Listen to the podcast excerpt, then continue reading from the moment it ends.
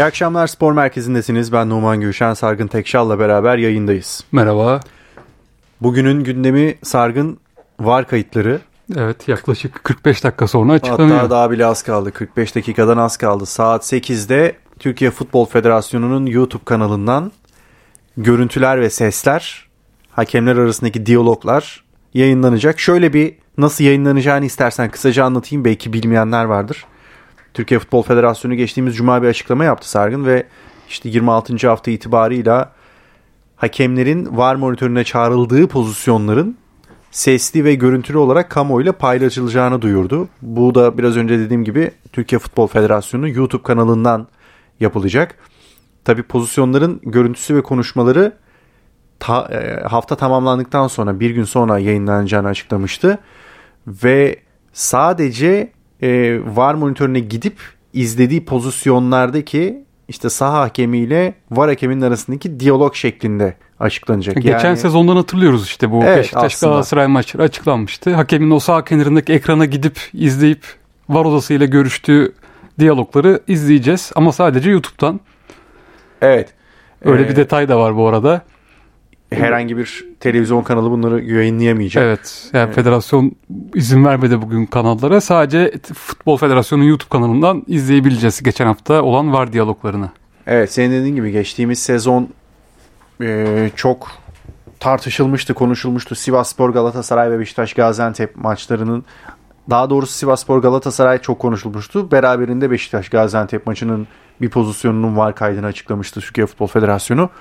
Daha sonrasında bu uygulamanın bir daha yapılmayacağını açıklamıştı ama e, Mehmet Büyükekşi'nin de Kasım ayında yaptığı bir açıklama var. Gündeme gelen ve talep edilen devrim niteliğinde bir adım atacağız diye. Evet, ilki yabancı gözlemci oldu. İkincisi VAR kayıtlarının Var açıklanması. kayıtları oldu. Tabii şimdi şöyle farklılıklar var Evet. geçen sezonki örnekle şimdi karşılaştırırsak. Bir kere geçen sezon o maçlar açıklandığında kayıtlar hakemler bunun açıklanacağını bilmiyordu. Evet. Hayal bile edemiyorlardır büyük ihtimal. Hı hı. Bu sefer bu hafta bütün hakemler bu haftanın var kayıtları açıklanacak diye bilerek var odasına ve sahaya çıktı. Hı hı. Şimdi böyle bir psikolojik detay, ayrıntı, değişim bence büyük fark yarattı. Çünkü mesela bugün 8'de açıklanacak kayıtlarda 3 büyüklerin maçlarından hiçbir kayıt dinleyemeyeceğiz. Hiçbir hakem 3 maçta da Fenerbahçe, Beşiktaş ve Galatasaray'da var monitörüne gitmedi çünkü. Gitmedi. Yani ve bazı maçlarda şunu gördük. Ben izlediğim çeşitli maçlarda şunu gördüm. Hani bu monitöre çağırmadan önce bir konuşma süresi oluyor ya. Evet. Çok uzadı onlar bu hafta. Hı hı. Ya herhalde bazı hakemler aman başımıza bir şey gelmesin Ali Rıza Bey diyerek var monitörüne gitmedi. Çünkü sen monitöre gitmezsen Onu kayıtlar açıklanmıyor. Aynen öyle. Ya bazı o gri pozisyonlarda sanki hakemleri de monitöre getirmekten biraz uzaklaştıracak bu uygulama gibi geldi. İlk hafta gözlemim bu. Ya peki yani hakemlerin psikolojisi bu kadar kırılgan mı? Yani bu kadar mı e, diken üstünde? Mesela hatırlıyorum geçtiğimiz e, sezonlarda bu VAR uygulaması geldikten sonra yanlış hatırlamıyorsam MLS'te sanırım işte hakem gittiği gibi VAR monitörüne anlık yayınlanıyor Evet biliyorsun. canlı. O bu MLS'te vardı sanırım. Evet. Yanlış hatırlamıyorsam. Avrupa'da var mı tam Yok olarak Avrupa'da emin geçmedi ona. Ee, mesela orada yapılan böyle bir uygulama var.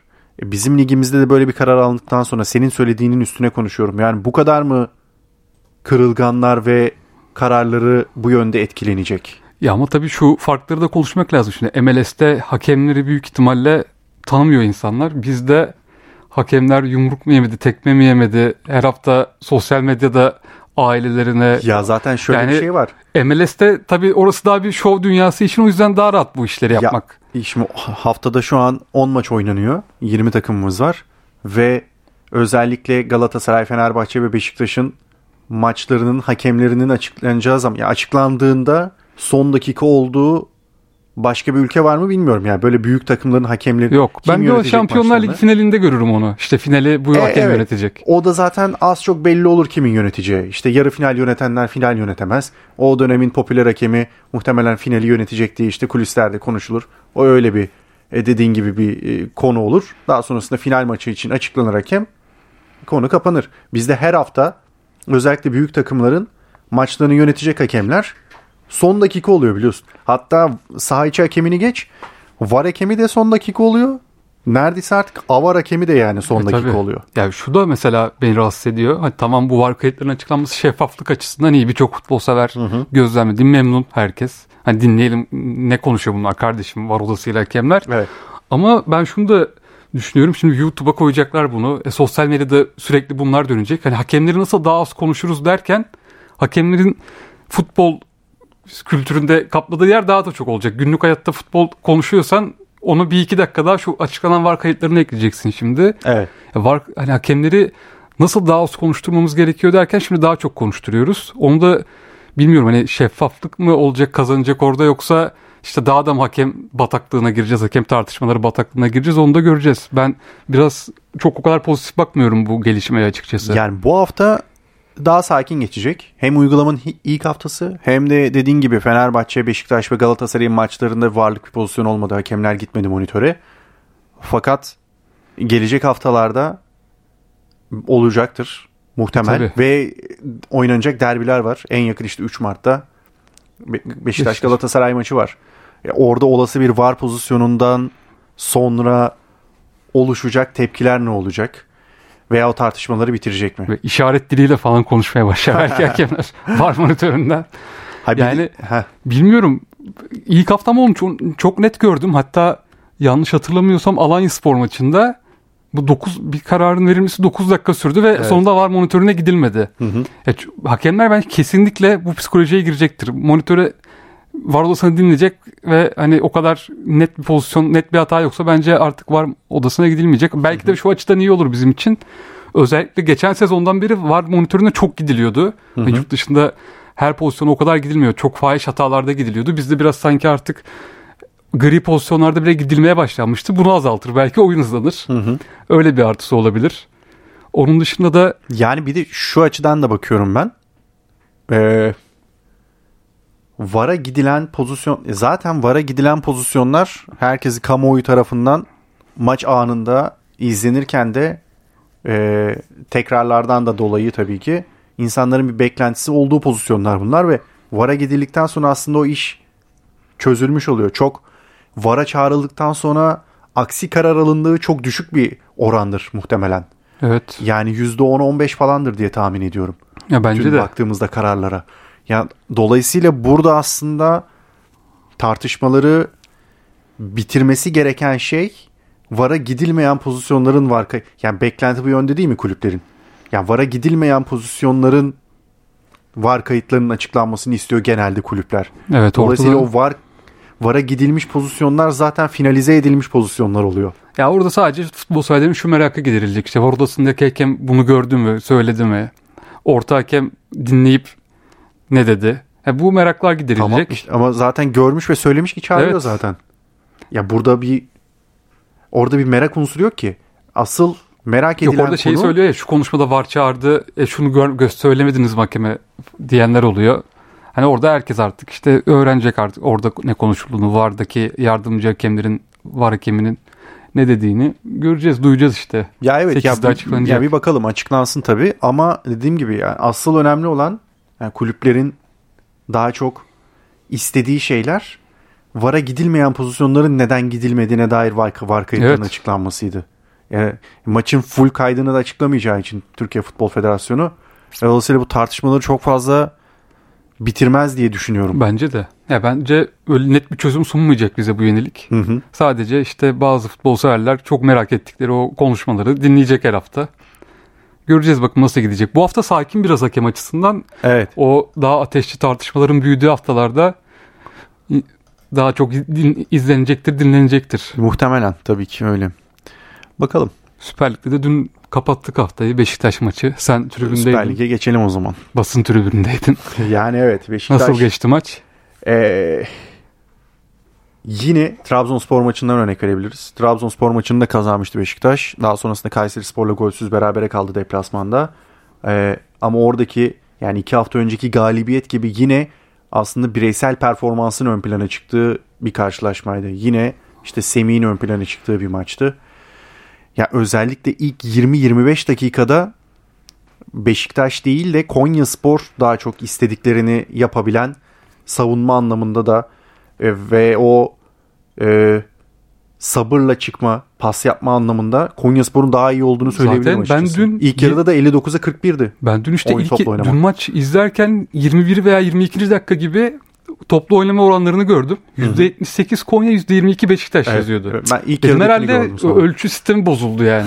Bir Üç büyüklerden biri sahasında ilk 20 dakika bence tarihte ilktir. Yani %22'de kaldı. inanılmaz bir durgunluk vardı ilk yarıda. İkinci yarıda neler yaşandı bilmiyorum. Çünkü aynı sahaya 11 ile çıktı Beşiktaş. Daha sonrasında belki de golün erken gelmesiyle işler biraz daha Evet değişti. orada o kilidi açtı Semih'in golü. 49. dakikada yani çok erken geldi gol. Ki Semih golden önce de net bir pozisyonda kaçırdı. Böyle iki üst Evet. üste pozisyon buldu Beşiktaş. Fakat o sakinlik ve durgunluk Beşiktaş'ta ya özellikle işte e, savunma anlamında genel olarak kamuoyunun beğendiği Beşiktaş var. Hücumda üretkenlik yok diye yorumlamışlar. Fakat orada o yani takım oyunu olduğunu unutmayalım.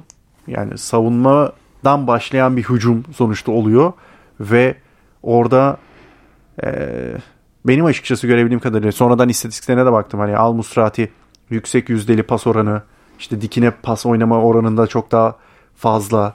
Yani şu ana kadar işte Jetson'a göre biraz daha orada fark yaratmış. Ama e, orada işte özellikle stoperlerin belki biraz yalnız kalması, Jetson'un da öyle bir oyuncu olmaması, El Musrati'nin de çok fazla geriye gelmemesi ve belki de oyun kurulumuna çok katkı sağlayamaması benim dikkatimi çeken şeylerdi. Evet Fernando Santos da yavaş yavaş eleştiriliyor oyunun Evet. sebebiyle. Ben ama bu eleştirilere pek katılmıyorum açıkçası.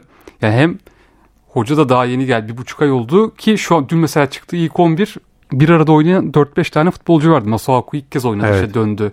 E, El Nusrati ilk kez 11'deydi. Muçi ilk kez seyircisi önünde 11'de. Yani Beşiktaş kadrosu daha yeni yeni oluşuyor şu anda. Koli yoktu Afrika Kupası üstüne sakatlık. Yani Fernando Santos'u da biraz bence süre tanımak lazım. Evet zaten hiçbir zaman rock and roll futbol oynatmıyor öyle club takımları gibi Yok. önde bassın işte bir oraya bir buraya savrulsun taraftar öyle futbol oynatmıyor Santos. Daha sakin bir klasik futbolu var onun. Ama en azından zamanla otursun en azından bence süre tanınmalı. Çok eleştirildiğini düşünüyorum ben sert bir şekilde. Daha zaten al- devraldığı Beşiktaş ortada. E, Yeni oluşturuyor takımı. Bir 11'ini daha gör. İdeal 11 ile daha çıkmadı Santos. Yok. Ya şöyle zaten Al Musrati ile Muçi de ilk kez birlikte 11'de başladı. Muçi'nin ikinci maçı Al Musrati ilk kez başladı 11'de. Zamanla oturacak tabii. Ve o oturmanın e, verimini de bence Muçi etrafında sanki bir oyun kurulumuyla Beşiktaş ilerleyen dönemde biraz daha karşılığını alır gibi geliyor Evet, bana. yani bu süreci kazanarak atlatması bence yeterli. Öyle Santos'un. duruyor şu an. Ya tabii üstüne bir oyun koyması lazım. Yani büyük takım kendisi de söyledi mesela basın toplantısında.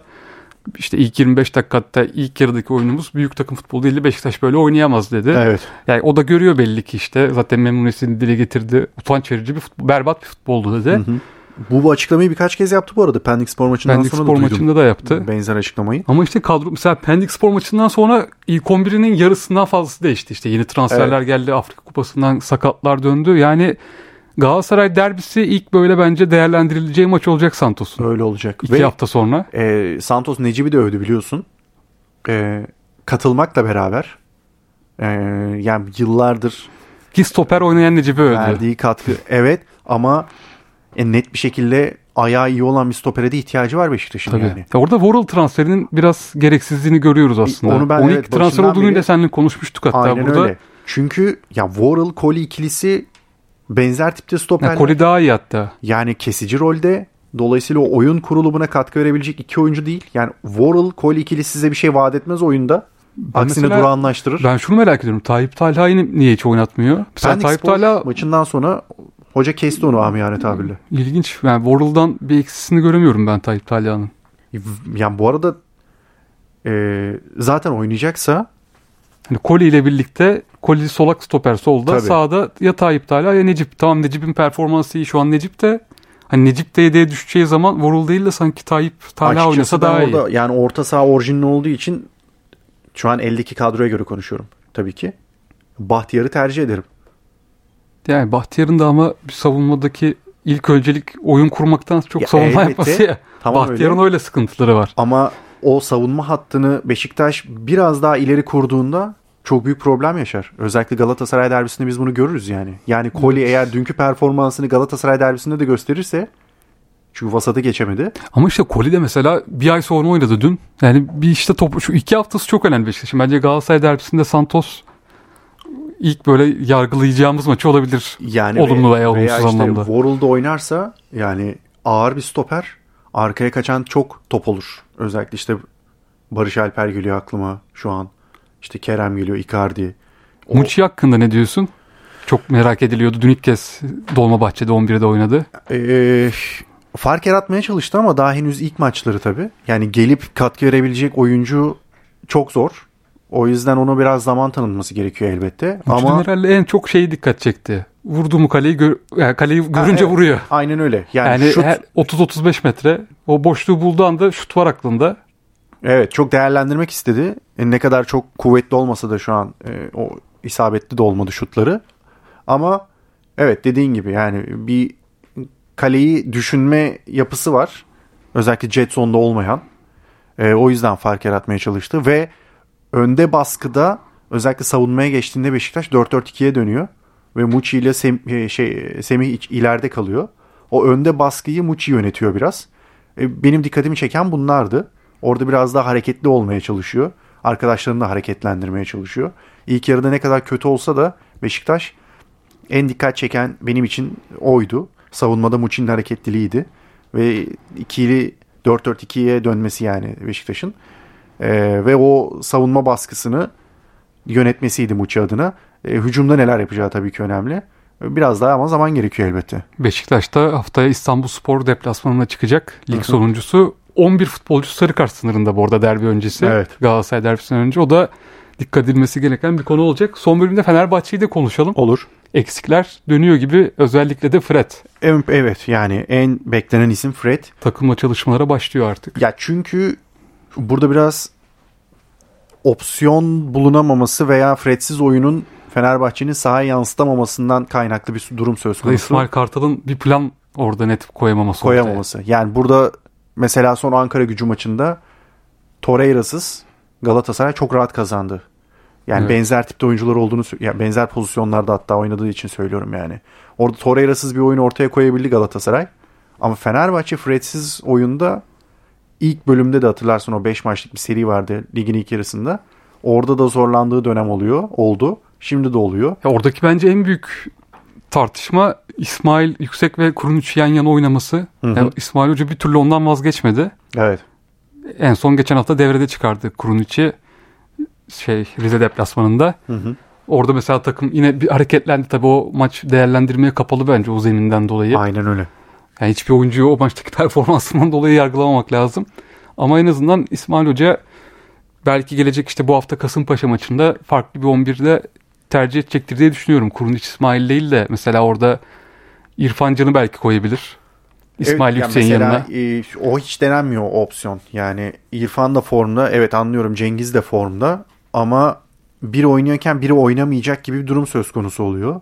Ya Fred'in dönüşü de büyük ihtimal bu hafta olmaz ilk 11'e. Öbür hafta olmasını bekliyorum ben.